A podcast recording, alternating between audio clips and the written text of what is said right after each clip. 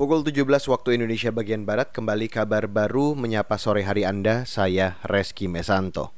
Saudara, Presiden Joko Widodo meresmikan jalan tol Pekanbaru Dumai. Melalui telekonferensi dengan pemerintah daerah setempat, Presiden berharap warga dapat memanfaatkan tol Trans Sumatera ruas tersebut sebaik-baiknya.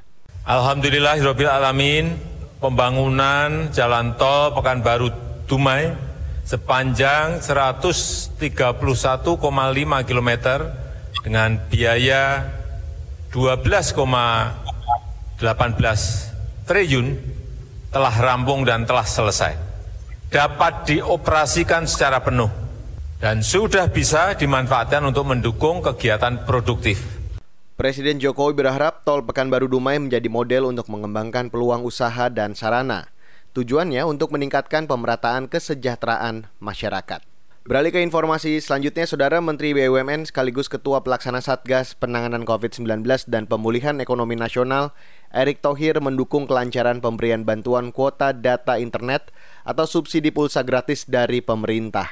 Hal ini disampaikannya saat acara peresmian kebijakan bantuan kuota data internet yang digelar secara daring.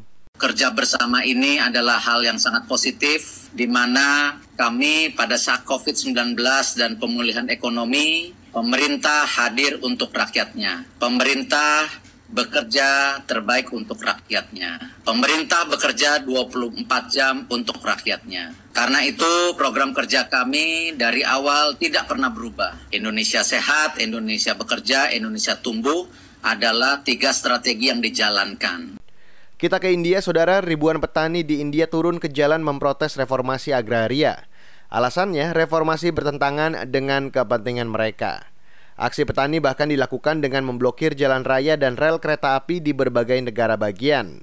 Sebagian besar protes terkonsentrasi di negara bagian Punjab dan Haryana yang terkenal hasil pertanian tinggi. Pemerintah membantah reformasi yang membuka sektor pertanian bagi pelaku swasta akan merugikan petani. Partai Baratia Janata atau BCP yang berkuasa telah mengusulkan tiga undang-undang reformasi pertanian. Aturan itu bertujuan meningkatkan pendapatan dan produktivitas pertanian.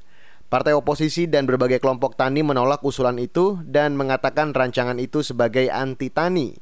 Penyebabnya, aturan membuat posisi petani rentan terhadap kekuatan pasar.